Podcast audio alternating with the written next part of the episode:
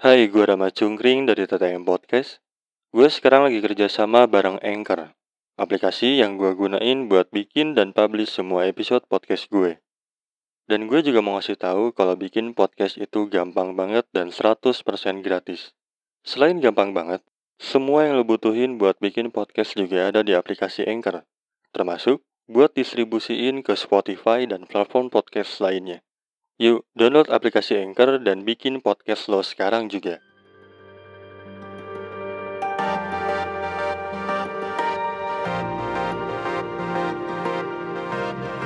TTM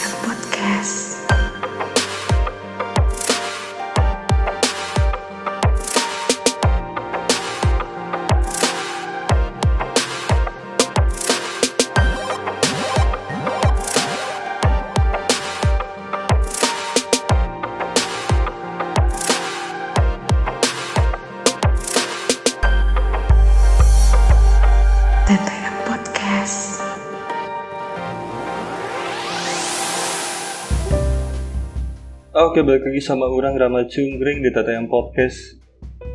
Setelah lagi-lagi libur, hampir dua bulan, orang kembali untuk mengisi episode baru. Dan episode kali ini orang pengen ngomongin keterkaitan antara keluarga dan kesehatan mental. Karena kayaknya kita menyadari bahwa eh, mental kita atau mental seseorang itu ada peran besar dari keluarga. Mungkin sebagian pendengar orang yang udah ngikutin TTM Podcast dari lama tahu bahwa orang ini salah satu penyintas orang tua orang bercerai dan orang menjadi apa ya? Menjadi punya isu itu. Kalau nggak salah orang pernah cerita bahwa orang juga eh, tahun lalu sempat ke psikolog.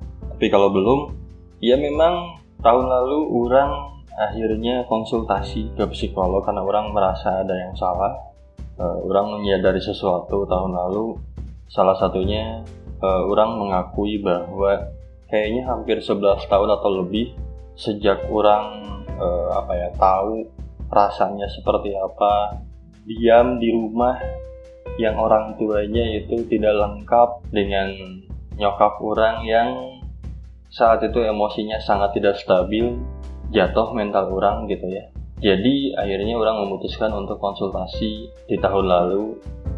Orang belum konsultasi lagi karena kayaknya memang kita harus menyadari konsep ya. Konsep psikologis itu buat mereka keberhasilan adalah ketika pasiennya tidak datang lagi. Mungkin untuk kasus orang juga mereka belum bisa dikatakan berhasil karena mungkin orang juga belum benar-benar pulih. Tapi orang menyadari sesuatu bahwa setelah satu jam lebih ngobrol dengan psikolog, oh, orang tahu nih apa masalahnya gitu. Orang tahu nih apa yang harus orang perbaiki gitu. Ini masalah hubungan orang dengan indung orang gitu. Nah, dan orang pengen cerita eh, tepatnya setelah lebaran, orang akhirnya memberanikan diri untuk ngobrol sama adik orang tentang apa yang kita rasain gitu. Diam di lingkungan yang orang tuanya bercerai. Pada saat itu, orang memutuskan untuk ngobrol karena dia udah dihitung dari tahun lalu tuh tiga kali ngechat ke orang. Dia menceritakan kelelahannya dia, apa yang dia rasain, dan orang akhirnya menyadari sesuatu gitu ya bahwa oh ini yang dibicarakan adalah ada kaitannya dengan keluarga dampak dari perceraiannya itu karena memang orang datang ke psikolog pun karena ngeliat adik orang konsultasi duluan. Jadi akhirnya orang memutuskan untuk datang ke psikolog yang sama dan katanya justru kasus orang yang lebih parah karena orang selama 11 tahun punya teman hayalan yang konsepnya tuh lebih ke orang menceritakan ke orang-orang eh, teman sekolah gitu ya ataupun pada saat itu pasangan orang mantan orang bahwa orang tuh punya teman sedekat ini loh gitu. Nah ternyata dengan case orang yang seperti itu menurut psikolognya orang tuh jauh lebih parah. Walaupun adik orang tuh pernah beberapa kali yang orang dengar melakukan percobaan bunuh diri. Cukup berat ya cukup berat ya. Tapi beruntungnya orang harus mengakui bahwa agama dia jauh lebih kuat. Jadi mungkin dia berpikir ulang gitu ya, untuk tidak melakukannya lagi. Dan kalau orang sendiri sih kayaknya hampir juga tapi orang terlalu takut untuk melakukan itu. Yang orang sering lakuin adalah ketika orang lagi lagi apa ya emosinya lagi lagi berantakan orang tuh bawa motornya nggak pakai rem. Kurang berharap nabrak sesuatu tapi beruntungnya nggak pernah kejadian. Terlalu takut lah untuk melakukan itu nah jadi balik lagi ke adik kurang. Adik kurang ini apa ya dia itu bisa dibilang seharusnya nggak merasakan dampaknya seperti apa. Karena memang sejak dia kecil bahkan bisa dibilang sejak lahir kan udah tinggal sama nenek dan kakek. Ketika orang umur 4 tahun dan adik kurang kayaknya baru lahir karena perbedaan orang sama dia 4 tahun. Kita berdua udah tinggal sama kakek dan nenek jadi seharusnya dia tidak merasakan itu. Tapi sialnya ketika orang naik ke kelas 3 SMP kita pindah ke Bandung akhirnya. Yang asalnya kita berdua tinggal di daerah Raja Mandala itu arah mau ke Cianjur kalau daripada Larang. Kalau dari Bandung tuh mau ke Cianjur. Nah akhirnya dia merasakan juga gitu dampaknya seperti apa. Emosi indung orang, emosi nyokap orang seperti apa dia merasakan. Dan dari situlah dia mulai mungkin apa ya, ke trigger, mulai ke trigger uh, mentalnya. Yang dia ceritain sih banyak pada saat itu kita ngobrol, tapi orang tuh kebingungan gitu karena ya mungkin orang bisa bisa belak-belakan di podcast ketika ada orang yang cerita kasus yang sama, tapi ketika itu menimpa keluarga orang sendiri. Adik kurang yang cerita, kurang sangat kebingungan harus melakukan apa. Pada saat ngobrol pun, kurang gak berani sama sekali ngelihat mukanya. Jangankan atap matanya, ngelihat mukanya aja nggak berani. Nggak tahu kenapa takut orang. Kayak kayak apa ya? Awkward moment aja gitu. Akhirnya ketika dia cerita, orang mendengarkan. Kita saling cerita, konteksnya bukan bukan apa ya? bukan orang nasehatin dia juga enggak gitu orang lebih apa ya lebih enak bilang itu adalah saling cerita orang bilang ke dia setidaknya setelah kita saling cerita kita sama-sama ngerti posisinya seperti apa gitu yang dia ceritakan tuh dia mulai apa ya ketrigger banget di tahun 2019 terutama ketika nenek kami berdua tuh sudah meninggal. Jadi nenek kami adalah salah satu support sistemnya adik orang. Jadi ketika nenek orang nggak ada, dia nggak tahu lagi harus cerita sama siapa. Dan di situlah kayaknya semakin ke. Ditambah lagi dengan yang dia ceritain itu adalah beberapa masalah di kampusnya dia. Terus semakin parah ketika kalau nggak salah indung orang tuh kayaknya lagi lagi emosi lah pada saat itu tapi bukan gak dikurang nah dikurang tuh karena mungkin yang pernah ketangkap memorinya adalah ngelihat indung orang yang meledak-meledak emosinya. Baik itu ke orang ataupun ke dia pada saat pas awal-awal kami pindah ke Bandung jadi dia ketakutan sampai nggak berani keluar kamar. Nah di situlah dia semakin uh, akhirnya konsultasi. Ngeliat kasus itu sebetulnya di luar sana orang nggak tahu apakah jumlahnya presentasinya banyak atau enggak tapi seharusnya dia tuh nggak ngerasain gitu nggak ngerasain dampak itu kalau lingkungannya bisa support dia lingkungannya paham bahwa kami berdua nih memang sudah ada masalah di sana gitu terutama orang orang itu inget banget ketika e, nyokap orang itu diserahkan ke orang tuanya sama bapak orang gitu. Nah itu kejadiannya sebelum pindah ke Bandung dan adik kurang nggak ada di sana jadi bisa dibilang adik kurang tuh sebelum pindah tuh hampir tidak ada memori yang dalam tanda kutip buruk seperti itu. Tapi masalahnya datang ketika setelah pindah menghadapi indung orang yang pada saat itu emosinya tidak stabil, masih tidak menerima mungkin dengan perpisahannya, akhirnya bermasalah lah ke kami berdua gitu secara mental. bingung sih harus menyalahkan siapa. Cuman peran keluarga ini memang cukup penting dan orang menyadari orang juga sebagai kakaknya seharusnya apa ya mengayomi adik kurang gitu nemenin. Tapi di masa-masa itu kurang lebih banyak menghindar dari rumah. Karena kurang lebih fokus ke orangnya sendiri gitu pada saat itu. Orang egois lah orang menyadari itu apalagi sejak kuliah jarang pulang karena orang tidak mau mendengarkan atau ikut terlibat dalam obrolan-obrolan yang mengarah ke sana sama indung orang gitu. Dan akhirnya malah adik kurang yang terkena dampaknya secara langsung dan porsinya mungkin lebih banyak gitu dibanding orang. Ya orang juga waktu kemarin minta maaf akhirnya ke adik orang dengan keegoisan orang pada saat itu lebih memilih untuk kabur dari rumah menghindar dari rumah tidak banyak terlibat dalam situasi tertentu. Karena orang juga struggle gitu. Kelas 3 tuh orang bisa dibilang hampir tidak punya teman. Jadi itu alasan kenapa orang menciptakan teman hayalan orang. Dan di sini kita menyadari bahwa betapa pentingnya peran keluarga walaupun gitu ya. Mungkin di antara kalian orang tuanya ada yang sudah bercerai atau bahkan orang nggak tahu pendengar orang umurnya ada yang jauh lebih tua dibanding orang atau enggak tapi siapa tahu yang lagi dengerin ini adalah pelakunya juga gitu. Jangan sampai anak kita tuh merasakan itu. Berusaha tetap menjadi lebih baik lah. Kita sudah gagal sebagai pasangan, kita jangan gagal sebagai orang tua gitu. Karena dampaknya akan sangat fatal, fatal banget. Dampaknya tuh untuk beberapa orang bisa menjadi ada rasa takut untuk menikah. Adik kurang pun sama, walaupun ada faktor lain ketika dia ya namanya juga masih remaja dikecewakan oleh laki-laki ya. orang di sana bilang gak usah terlalu fokus ke sana lah karena lebih penting untuk saat ini kebahagiaan dia aja dulu gitu dan bahagianya dia kan gak harus dari laki-laki gitu kita yang menciptakan bahagianya kita sendiri kita fokus ke situ aja dulu gitu karena orang percaya bahwa jodohnya udah ditentuin jadi jangan khawatir. Tenang aja.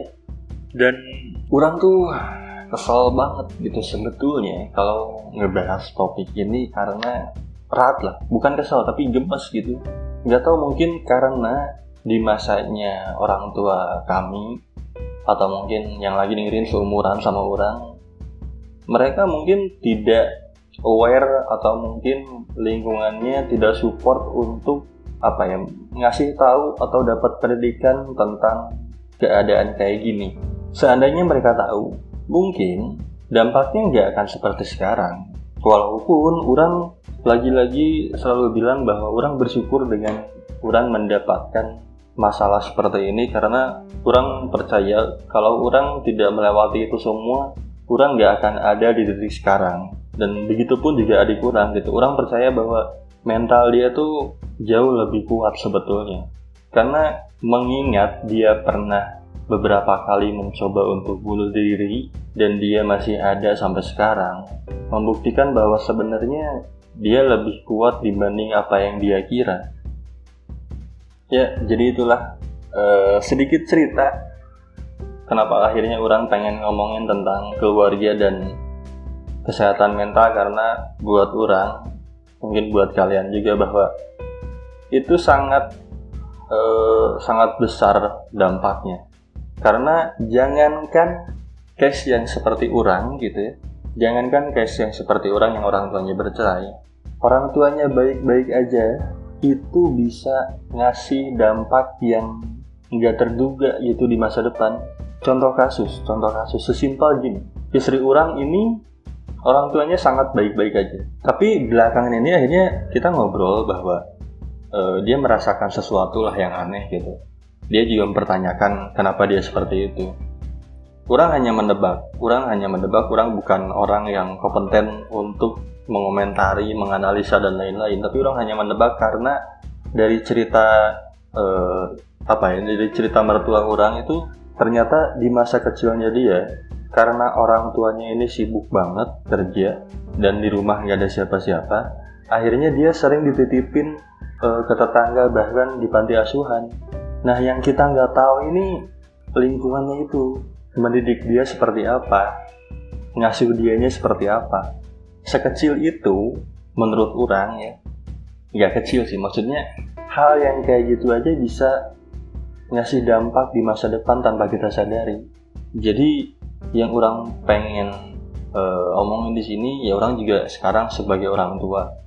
Orang menyadari bahwa mental keluarga kita anak-anak kita istri kita atau pasangan kita kita tuh punya peran besar di sana. Apalagi orang sebagai suami. Orang sangat menyadari bahwa mental anak orang mental istri orang orang punya peran penting punya keterlibatan besar untuk hal itu buat mereka. Jadi kalau orang salah langkah, dampaknya akan sangat besar. Apalagi buat anak orang, dampaknya akan sangat besar banget mungkin di kemudian hari. Mungkin orang tidak layak uh, ngomong kayak gini di sini ke kalian yang mungkin jauh lebih berpengalaman atau berkompeten gitu. Tapi yang orang pengen bilang adalah jaga diri baik-baik, jaga keluarga masing-masing. Kalau misalkan kita belum berpasangan, belum punya anak, minimal kalau lingkungan keluarga tidak bisa support, kita harus tetap waras dengan mencari support system yang tepat. Itu bisa circle pertemanan atau mungkin komunitas yang emang positif eh, lingkungannya gitu. Memang agak sulit Kurang juga pernah merasakan ada di titik seperti itu dan cukup sulit untuk orang e, mengendalikan semuanya. Beberapa kali orang terjerumus, orang jatuh. Tapi semua itu kan balik lagi ke orangnya. Kita bisa nggak gitu dengan lingkungan seperti ini kita bisa nggak tetap tetap waras, tetap sehat gitu. Banyak cara yang bisa membuat kita tetap sehat, tetap waras. Dan kurang jadi ingat satu hal, mengingat tadi ya. Ini masih ada kaitannya dengan adik kurang. Ketika adik kurang pengen uh, datang ke psikolog untuk konsultasi. Ayah orang sempat melarang karena beliau ada krisis kepercayaan terhadap psikologi. Dasarnya adalah mendiang istri beliau sebelum indung orang itu sebetulnya psikolog. Tapi ini sorry kalau misalkan uh, yang diomongin dengar tapi biar poinnya nyampe gitu. Tapi mungkin menurut ayah orang anak-anak beliau dari mendiang istrinya, mantan istrinya, tidak seperti yang dia harapkan. Yang akhirnya ayah orang mungkin punya krisis kepercayaan terhadap psikologis. Nah menurut orang kita nggak bisa menyalahkan uh, profesi, nggak bisa. Sama ayah kayak ah polisi mah gini segala macam kita nggak bisa menyalahkan profesinya. Oknumnya yang salah, personalnya yang salah. Jadi jangan memukul rata uh, bahwa satu profesi itu sama nggak bisa. Itu kembali ke orangnya. Dan kalau terjadi sesuatu punya dampak yang akhirnya menimbulkan krisis kepercayaan terhadap eh, apa ya profesi tertentu kayak ayah orang gitu ya ya jangan salahin profesinya gitu. Terima aja bahwa keadaannya seperti ini bahwa ya memang pada dasarnya kan ngedidik anak tuh bukan peran seorang ibu aja gitu. Sorry kalau orang harus bilang bahwa mungkin ada yang salah dari cara mendidik Anda sebagai ayahnya. Begitupun orang gitu. Makanya orang bilang bahwa ini tuh sangat keterkaitan gitu. Orang seperti ini atas didikan orang tua orang mungkin gitu. Kalau emang ada yang salah, begitupun anak kurang ketika anak kurang melakukan sebuah kesalahan ya jangan 100% menyalahkan dianya tapi balik lagi ke orang. Orang harus bertanya bahwa orang ngelakuin apa ya? Sampai dia kayak gini gitu. Orang dulu berbuat apa ya? Sampai dampaknya seperti ini ke dia. Jangan pernah menyalahkan hal yang bukan personal. Salahin orangnya dan harus berkaca. Kalau itu ada kaitan dengan keluarga ya jangan hanya menyalahkan pasangan gitu. Kitanya juga harus bertanya sama diri sendiri bahwa mungkin anak kurang seperti ini karena orangnya gimana? Pasangan orang seperti ini karena orangnya gimana Ya, oke okay lah. Uh, untuk episode kali ini segitu aja dan orang mau ngasih tahu bahwa uh, Teteh Podcast sudah hadir di Noise. Alhamdulillah ya. Jadi silakan dengarkan juga di sana kalau misalkan uh, kalian uh, punya aplikasi dan mungkin banyak podcast favorit di sana. Jadi bisa sekalian untuk dengerin Teteh Podcast. Segitu aja dari orang. Seperti biasa, bahagia sendiri buat apa? Resah sendiri itu kan gak nyaman. Kurang ramah cungri, pamit undur diri.